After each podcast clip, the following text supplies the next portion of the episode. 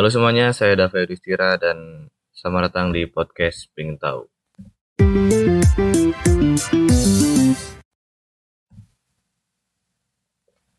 Ya, jadi podcast uh, episode ini diambil, direkam pada hari Friday. Uh, udah Friday bang, cepet banget ya. Ah, emang hari ini Friday tanggal 16 emang iya ya?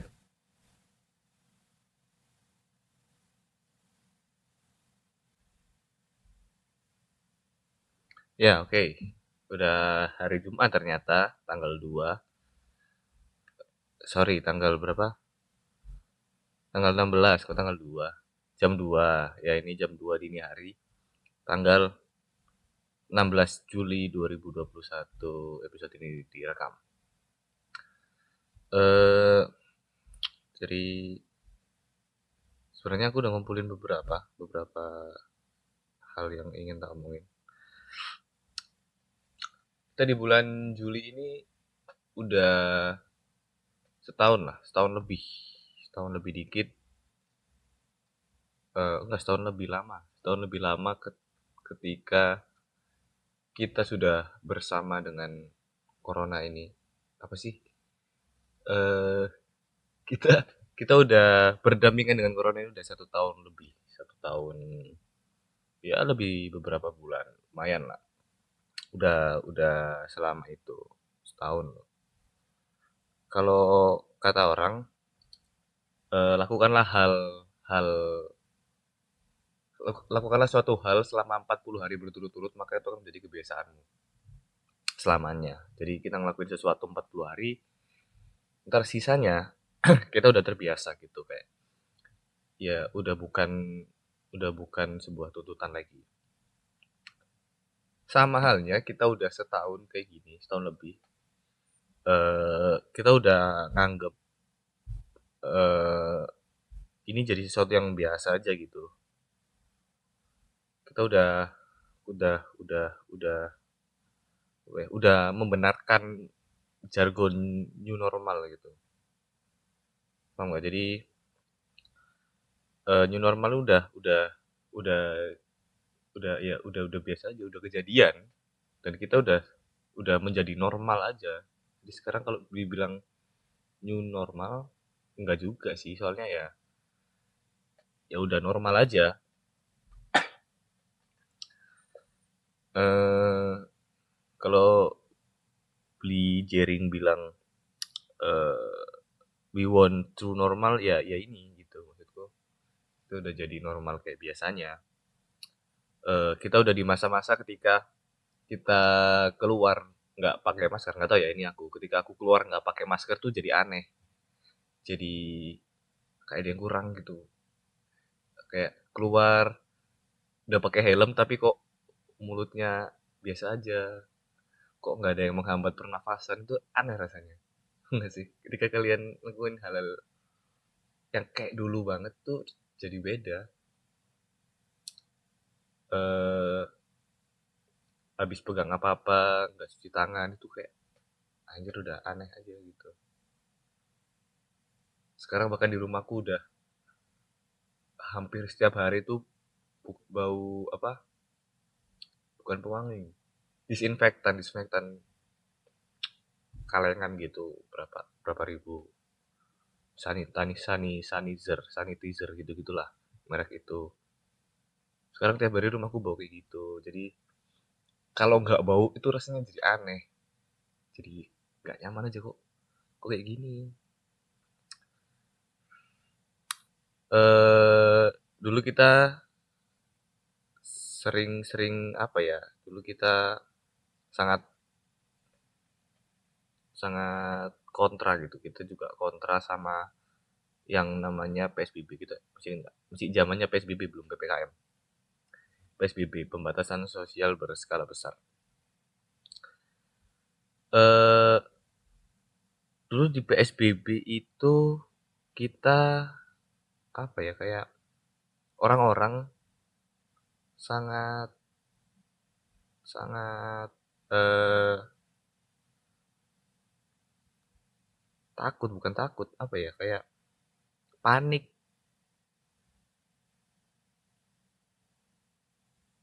Ya masih kan nggak kalian sebelum PSBB dia berarti kayak dulu itu awal-awal covid masih ingat panik buying kayak masker ditimbun uh, hand sanitizer ditimbun. Aku aku sempat ngerasain uh, mau beli masker satu box harganya enam ratus ribu bang enam ratus ribu. Sekarang bisa dicari di jalan dua puluh lima ribu. dua puluh lima ribu satu dulu enam ratus men.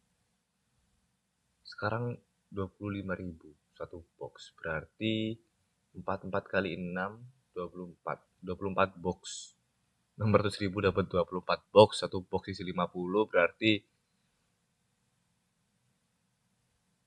berapa berarti? 24 kali 50 berapa ya? ya itulah pokoknya. Bentar sih nanggung nanggung. 24 kali 50 24 kali 50 1200 1200 masker.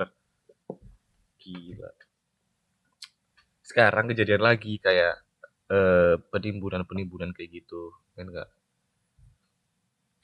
eh, oksigen di di apa namanya ditimbun. Terus kalau kata orang-orang juga ada mafia obatnya sendiri jadi obat itu di dimainin. Kayak kayak apa ya kalau dulu aku belajar ekonomi itu semakin ditimbun harganya semakin naik dijual dijual jual gitu sih kalau kata guru ekonomi dan eh, nggak eh, tahu ya kalau menurut undang-undang nggak ngerti juga ada ada nggak undang-undang yang mengatur itu gitu? Maksudku penimbunan sesuatu dalam keadaan darurat itu apakah bisa dipenjara atau enggak tapi terlepas dari aturan undang-undang orang yang nimbun-nimbun kayak gitu salut. Aku salut sama orang yang nimbun-nimbun kayak gitu karena eh apa ya dia dia dia punya pemikiran untuk menjual apa pun gitu. Dia dia dia bukan orang yang idealis bukan orang yang yang ah aku passionnya di sini nih. Eh aku harus jualan ini aku harus ngelakuin ini. Enggak dia dia orang yang anjir ini ini ada celah buat dapat duit nih gitu. Itu pemikiran-pemikiran yang rasional pemikiran yang yang realistis gitu bukan yang yang harus nuntut idealismenya dipenuhi. Enggak. Tadi sampai oh ppkm setelah PSBB kita mengenal dulu PSBB sekarang PPKM memang atau PPKM itu panjangannya apa ya? PPKM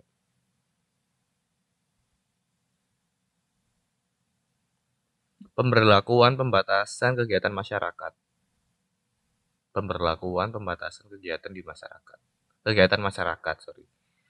Pemberlakuan pembatasan kegiatan masyarakat PPKM eh nggak tahu kenapa kenapa harus dibuat bahasa baru gitu ya maksudku.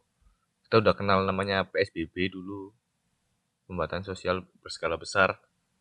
Tapi ada lagi pemberlakuan pembatasan kegiatan masyarakat PPKM dan bahkan ada lagi PPKM mikro jadi pemberlakuan pembatasan kegiatan masyarakat mikro kan berarti kecil-kecil kan. Berarti per daerah per daerah gitu kan tapi dilakuinya serentak nasional. Kenapa nggak PSBB aja gitu namanya? Maksudku kenapa harus diganti gitu? Nggak ada yang salah dari uh, akronim PSBB itu. Jadi kenapa gitu?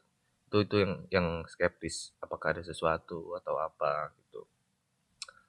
Dan uh, menjadi pertanyaan lagi sebenarnya PPKM itu ngefek nggak? Maksudku beneran berpengaruh nggak sih? Mungkin mungkin iya kalau secara dalam dalam uh, kalau kita mau lihat secara detail statistik statistiknya gitu melewat data-data nggak tahu kita bisa akses datanya di mana tapi mungkin ada mungkin ada uh, datanya gitu penurunan per hari per hari kayak gimana. Tapi yang belum nemu adalah uh, riset yang yang membandingkan antara uh, kondisi pra PPKM terus kondisi PPKM sama kondisi pasca PPKM.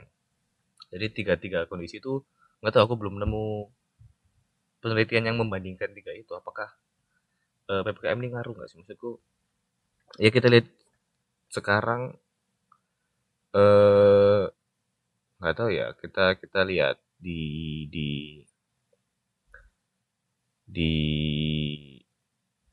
di sosial media gitu ketika ada aksi-aksi apa sebutnya yang halus ya?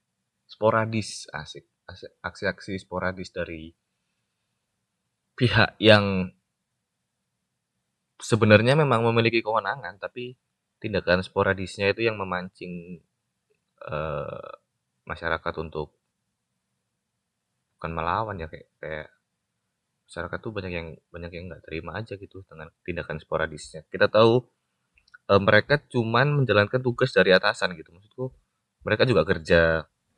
Mereka mereka kalau nggak nggak kayak gitu juga mereka nggak makan. Tapi e, haruskah seperti itu? Itu kan aneh menurutku tindakan sporadisnya. Namanya aja pemberlakuan pembatasan. Di di dibatasi kan harusnya bukan diambilin daging satenya atau kursi-kursinya diambilin. Ngapain? Masa pembatasan ngambilin kursi? Pembatasan ngambilin sate bang enggak kan? Kan kalau kursi kan uh, disita nih katakanlah disita oke. okay. Disita nih kursi atau apa warung-warung warung-warung apa yang disita biasanya? Kursi me, uh, meja atau apa kayak gitu disita barang-barang alat ya kita nyebutnya alat. Itu kan disita tuh bertahan sampai ppkm kelar pun mau diambil bisa kan? Maksudku mereka mereka nggak rugi gitu cuman mereka nggak bisa jualan aja. Oke lah. Sate men sate lu? Diambil bangset kan sate. Sate mental lagi. Nggak mereka pengen bakar-bakar aja. sate. Nanti diambil kan nggak bertahan dua hari. Mungkin nggak bertahan busuk itu sate. Terus gimana? Kan rugi kan? Kasihan. Ya ampun. Aduh ppkm kenapa sih aku masih bingung kenapa harus diganti ppkm sih? Nggak enak ppkm psbb lebih enak kata-katanya. Nggak nyaman di mulut. Eh ya ya sedikit curhat aja. Harusnya ppkm ini aku tuh ya sebelumnya aku tuh udah ngerencanain buat liburan ya. Liburan uh, bulan Juli ini ketupuannya ngabisin duit aja bulan Juli buat liburan targetnya sih ke ke Bali atau ke Jawa Tengah gitu. Tapi kenapa? Kenapa ada ppkm ada masalah apa pemerintah? Yang heran nanti yang bah, yang lebih heran lagi adalah kenapa eh, ppkm ini terjadi? Enak sih enak sumpah ngomong ppkm ini gak enak kenapa pembatasan ini terjadi pas banget sama libur mahasiswa gitu? Gak tau gak tau kalau sekolah-sekolah lain ya maksudnya SMA SMP gitu gitu nggak tahu tapi tapi kenapa harus pas sama liburnya mahasiswa gitu? Kenapa gitu? Ya ya, ya tahu ya banyak mahasiswa yang tidak terima dengan keputusan dari pemerintah. Wakanda? Sebenarnya nggak ada yang sebenarnya podcast ini nggak ada yang denger juga sih kenapa harus takut ya? Tapi takut ada yang denger. Siapa tahu Intel oh siapa tahu temanku Intel. Ya dia ya ya pembatasan. Apa sih tadi? Anjing lupa lah. Uh, oh iya harusnya aku tuh jalan-jalan. Tapi kenapa tapi tapi kenapa ada pembatasan gitu? Dan pembatasannya selalu pas dengan liburan. Kayak hmm kenapa harus pas sama liburnya mahasiswa ya uh, Terus eh, kita kita selama nggak tahu ya. Mungkin PPK mungkin dari PPKM sorry sorry sorry sorry. Mungkin dari sebelum PPKM sampai PPKM itu uh, ada sebuah fenomena juga kan nanti aku cerita tentang menimbun menimbun. Uh, alat ya kayak masker uh, hand sanitizer dulu sekarang oksigen dan obat-obatannya mungkin. Tapi juga ada lagi yang yang aneh gitu kenapa kayak eh kalian sadar nggak? Ada fenomena pemborongan susu beruang. Susu merek uh, ya susu beruang merek beruang. Itu kan aneh ya maksudku. Uh, jadi jadi orang-orang ini percaya entah dari mana aku juga nggak ngerti entah dari mana mereka percaya susu beruang itu nggak tahu mereka percayanya menghindarkan dari covid apa apa apa gimana ya? Menjaga ke, menjaga kekebalan tubuh mungkin. Nggak ngerti aku juga nggak nggak nggak paham juga bahkan aku tahu itu cuma ada di berita gitu di orang-orang uh, orang-orang yang jauh dari jangkauanku ya. Maksudku di lingkungan sekitarku di teman-teman atau keluarga apa di rumah tuh juga gak ada kayak gitu maksudku. Kok bisa ya ada orang kepikiran kayak gitu? Kok bisa ada orang kepikiran buat ngeborong susu beruang? Ini entah entah emang marketingnya jago atau orangnya tolol gitu maksudku. Tapi kan kalau kita lihat nggak ada apa sih namanya? Nggak ada kita kita nggak ngelihat strategi bukan strategi langkah marketing yang muncul beberapa waktu lalu kan kayak dari pihak susu beruangnya brand-brandnya juga nggak ngelakuin apa-apa nggak nggak nggak ada promo nggak ada apa. Terus kenapa tiba-tiba langsung us laris ke orang-orang borong berarti kan orang-orangnya tolol ya? Kok bisa gitu? Nggak yang yang eh, eh yang kasihan adalah kan ketika orang-orang itu ngeborong eh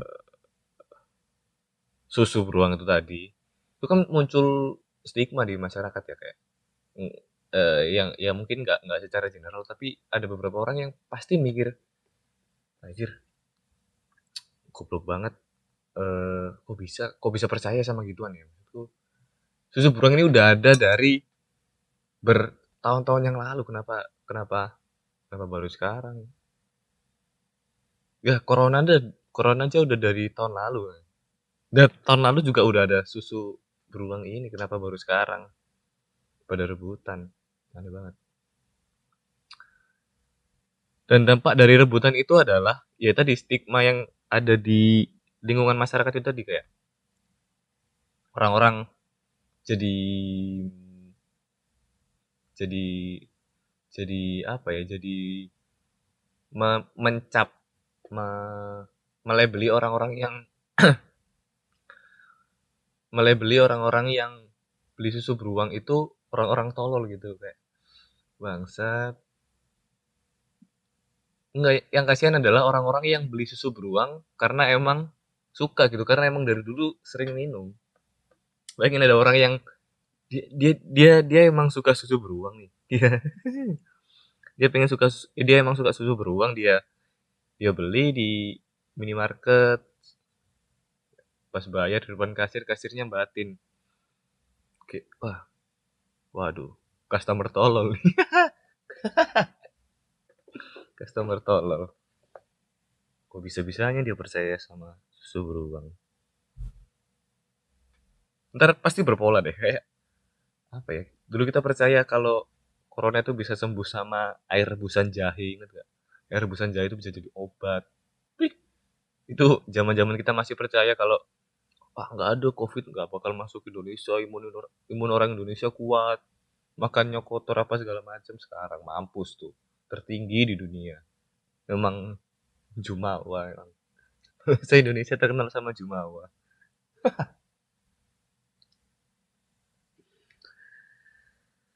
Eh, terus eh, eh, beberapa hari yang lalu juga aku ngelihat storynya Ernest Prakasa Ernest Prakasa itu nge-story nge-post postingannya Ence bagus tau nggak Ence bagus? Jadi Ence bagus itu posting di Instagramnya dia terus di dibikin story sama Ernest Prakasa.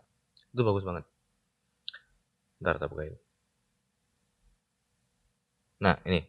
Postingan keren banget. Dia cuman blank hitam tulisan putih udah gitu doang. Tapi bagus banget uh, tulisannya gini ini Ence bagus yang ngomong ya dari Menara Gading dengan lantang mereka meminta semua orang di rumah saja seraya memamerkan keberuntungannya menghindari bencana sambil menikmati hak istimewa. Iri bilang bos, timpal para umat pembela sosial medianya. Ini kan, anjir aku pertama kali baca ini, ah bangsat bagus banget. Dari uh, gini deh, kalian tahu Menara Gading nggak? Menara Gading tuh dia di uh, NC bagus ini mengambil sebuah oh, apa ya majas metafor sebuah metafor uh, metafor namanya Menara Gading. Menara Gading itu menjelaskan kalau ketika orang itu udah udah ada di Menara Gading, berarti orang itu udah terlalu jauh gitu, terlalu tinggi lah, tanda kutip ya terlalu tinggi, uh, sehingga mereka nggak tahu nih apa yang terjadi di bawah mereka karena udah udah terlalu tinggi aja gitu. Nah, Aja Bagus ini mau bilang kalau uh, mereka nih yang di atas di atas itu lantang aja mereka nyuruh-nyuruh orang buat di rumah aja. Uh, uh, sambil sambil pamer apa ya keberuntungannya. Ada mungkin mungkin yang dimaksud adalah duit nggak ngerti keberuntungannya menghindari bencana sambil menikmati hak istimewa uh, aku nggak tahu ini reverse ke mana uh, apa yang dia maksud tapi yang aku tangkap adalah kebanyakan orang nih, kebanyakan orang uh, bukan orang deh, influencer. Kita menyebut mereka influencer, selebgram. Orang-orang yang punya basis massal yang yang orang-orang yang ketika muka IG dan lihat profilnya angka follower lebih banyak dari following. jadi jadi jadi yang yang di follower itu orang-orang yang bahkan mereka nggak kenal ya orang-orang seperti itu maksudku orang-orang yang apa ya dia itu bilang kalau eh, bilang-bilang ke orang-orang hei kalian kalian di rumah aja ya. Eh uh, di rumah aja ya jangan beraktivitas. Eh, ppkm ini di rumah aja. Uh, jaga kesehatan ya. Uh tetap semangat. Jaga kesehatan. Terus apa ya ya dan semua bacotannya kayak gitu-gitu. Orang-orang yang tidur kayak gitu itu apa ya bisa dipastikan gini eh mereka orang-orang yang nyuruh-nyuruh buat di rumah aja yang sok-sokan marah ketika lihat orang kok nggak nurut sih sama peraturan pemerintah atau orang kok nggak nurut sih uh, sama ppkm atau mereka nggak takut apa uh, mereka nggak pengen kelar apa covid ini eh mereka nggak ah pasti daf jangan sih. Mereka nggak pengen covid ini cepet kelar apa itu loh maksudku. Ah orang-orang kayak gitu orang yang nyuruh nyuruh di rumah orang yang marahin orang yang melanggar uh, ppkm segala macam itu adalah itu menurutku ya menurutku adalah orang-orang yang beruntung kata yang bagus tadi beruntung. Mereka mereka mereka punya punya simpenan gitu maksudku. Mereka punya duit mereka punya tabungan uh, artis-artis lah katakanlah siapa gitu nyuruh ya ya halo teman-teman uh, buat kalian yang uh, lagi nonton ini uh, tetap jaga kesehatan ya, jangan keluar-keluar rumah, patuhi PPKM. Nah, Bro, dia bisa ngomong kayak gitu karena dia punya tabungan. Nih nih orang-orang di pasar nih, kalau mereka di rumah aja mereka nggak makan. Orang-orang yang nyuruh-nyuruh tadi, orang-orang yang nyuruh-nyuruh tadi itu nggak mikir besok mau makan apa, sedangkan orang-orang yang lain yang di bawah ini nih, mereka buat tanya ke mamanya aja ke orang tuanya besok makan apa aja? Mereka nggak berani. Dan dan dan itu uh, itu, itu tadi itu penggambaran metafor yang yang bagus banget dari Enzo bagus metafornya menarik tadi Ivory Tower. Uh, dari situ kita lihat bahwa kenapa orang-orang orang-orang sok-sok tahu gitu ya kayak mereka nyuruh-nyuruh di rumah aja tapi mereka nggak tahu nih. Mereka nggak tahu kondisi di bawah. Mereka nggak nggak nggak ngerasain miskin kayak gimana. Udah miskin ada pandemi lagi. Anjir double men struggle-nya double. Mereka yang punya punya duit yang nyuruh nyuruh yang yang marah. Aku tuh paling paling males kalau ada orang marahin orang melanggar gitu kayak eh kamu nih nggak jaga kos kamu tuh malah keluar keluar nggak di rumah aja nggak nurut pemerintah. Ya ampun. Duh, tukang angkot kalau nggak keluar ya nggak makan. Kan tukang angkot supir angkot supir angkot nggak keluar nggak makan. Gojek nggak keluar nggak makan sekarang ada lagi shopee food. Oh, shopee food orang-orang kayak oke cek mereka kalau nggak keluar ya nggak makan. Nggak kayak kalian yang nyuruh-nyuruh kayak udahlah itu itu itu jadi sesuatu yang skeptis ya di di di aku secara pribadi. Karena eh, aku jadi skeptis dan bukan ya ya skeptis skeptis dan sadar kalau anjir ternyata nggak cuman ppkm doang nih yang keputusannya diambil oleh orang-orang yang ada di Menara Gading, tau gak? Keputusan PPKM, keputusan untuk udah ini di pembatasan kayak gini, kayak gini, kayak gini, kayak gini. Itu diputusi oleh orang-orang yang ada di Menara Gading. Iya dong. Bukan orang-orang yang ada di bawah gitu, orang yang ngerasain benar-benar harus keluar rumah buat makan. Mereka bisa mereka bisa makan di rumah pesan ke, ke GoFood atau PHD atau uh, make delivery atau uh, cappuccino cincau gitu. Mereka masih bisa pesan gitu mereka nggak mikir. Mereka itu kalau tanya paling juga hmm besok makan apa ya? Itu maksudnya bingung milih menu. Tapi kalau orang yang lainnya besok makan apa ya? Ya karena emang mereka bingung nggak bisa makan. Tapi uh, aku coba memposisikan diri menjadi orang-orang yang di bawah itu tadi ya kayak ya aku aku juga masih di bawah aku juga masih miskin juga. Aku masih butuh keluar-keluar buat cari duit. Tapi uh, itu tadi aku menjadi skeptis dan sadar anjir ternyata uh, keputusan keputusan untuk membuat ppkm ini pembatasan ini itu diambil oleh diambil oleh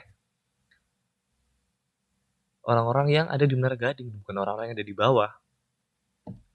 Dan itu aku langsung mikir, anjir, ya juga ya.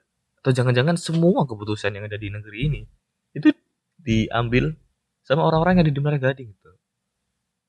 Aku nggak pernah tahu orang orang-orang di bawah ini ikut dilibatkan dalam pembuatan sebuah konstitusi, aturan, atau apa ya, eh ketetapan gitu-gitu. Aku nggak pernah tahu sih. Nggak tahu ya kalau ada ya ya ya bisa bisa bisa ya bisa sharing-sharing. Tapi eh dan dan itu jadi jadi hal yang yang patut dibicarakan, patut menjadi diskusi. Eh oh anjir diskusi. Patut jadi bahan obrolan di kampus-kampus kayak organisasi-organisasi itu menurutku perlu perlu dibahas ya kayak uh, mereka nih orang-orang yang struggle-nya jauh daripada orang-orang pada umumnya harusnya itu uh, diikutkan dalam pengambilan sebuah keputusan gitu. Kebijakan pemerintah. Karena kita tahu ya masyarakat di negara ini sangat-sangat bervariasi sangat-sangat plural. Tidak cuma orang-orang yang ada di Menara Gading tapi juga ada yang di bawah-bawah itu juga ada. Jadi ya kenapa kenapa nggak nggak kita kita dengerin suara mereka? Atau kita ajak mereka gitu kayak ayo dari kalian perwakilan apa aja nggak ada organisasi pengemis. Apa ya gimana tapi gimana caranya juga ya? Gimana caranya kita ngambil orang yang emang di bawah orang di bawah tapi punya ide gitu bukan orang di bawah yang tolol. Enggak tapi orang di bawah yang yang beneran pengen berubah gitu. Susah juga sih carinya. Nggak ada organisasinya kayak paguyuban tukang ada sih paguyuban tukang beca ada. Boleh paguyuban tukang beca paguyuban porter terminal juga ada. Juga ada tapi masa gitu? Udah? Eh ya mungkin itu aja deh buat episode kali ini. Lumayan tuh udah 30 menit 32 menit. Itu doang. Oh aku baru ingat. Ada ada atau ada kejadian. Atau ini lucu. Sebuah anekdot di Surabaya. Ketika awal-awal bukan bukan awal-awal sih. Di tengah-tengah ppkm kemarin-kemarin itu ada kalau di sini nyebutnya itu penyekatan. Jadi jalan masuk ke Surabaya itu ditutup gitu. Ada beberapa jalan yang ditutup. Jadi kendaraan yang platnya bukan plat L, eh bukan plat Surabaya ya, bukan plat L, itu nggak boleh masuk gitu. Bisa masuk tapi nggak lewat jalan itu harus lewat jalan kecil-kecil apa masuk gang masuk apa segala macam. Bisa. Eh yang jadi apa ya yang jadi lucu ketika ada beritanya dia itu tenaga kesehatan. Motornya bukan plat Surabaya dan dia tinggal di sidoarjo. Sidoarjo itu sebelahan Surabaya gitu. Dia tinggal di Surabaya di, uh, tinggal di sidoarjo kerja di rumah sakit di Surabaya. Motornya bu mo, sepeda motornya itu bukan plat Surabaya. Jadi si nakes ini yang kerja di rumah sakit itu nggak boleh masuk. Anjay. Duh, nggak ngerti ya kenapa lucu banget ya? Di dia eh, dicetop gitu sama sama petugasnya. Bahkan dia sampai ngeluarin kayak kayak ID card kalung ID card gitu yang menunjukkan bahwa dia tuh beneran petugas medis gitu petugas rumah sakit. Dia kerja di rumah sakit tapi tetap aja nggak boleh masuk. Itu aneh aneh banget sih. Kalau kata orang itu uh, tidak ada hukum tanpa pengecualian tanpa pengecualian. Jadi ya mungkin harusnya harusnya ada pengecualian pe, aduh sudah pengecualian. Pengecualian eh, tentang beberapa hal kayak tadi. Nakes tuh ya boleh lah ya nakes kok. Kok kok bisa masuk? Aneh banget. Udah itu aja. Eh, sekarang udah jam 247 udah jangan jangan jangan keluar keluar asik nggak aku nggak di menara gading. Kalau kalian merasa perlu makan dan harus keluar buat bisa hidup ya udah lakukan apa yang menurutmu itu benar. Meskipun kadang terlihat salah di depan hukum. Asik. Udah dadah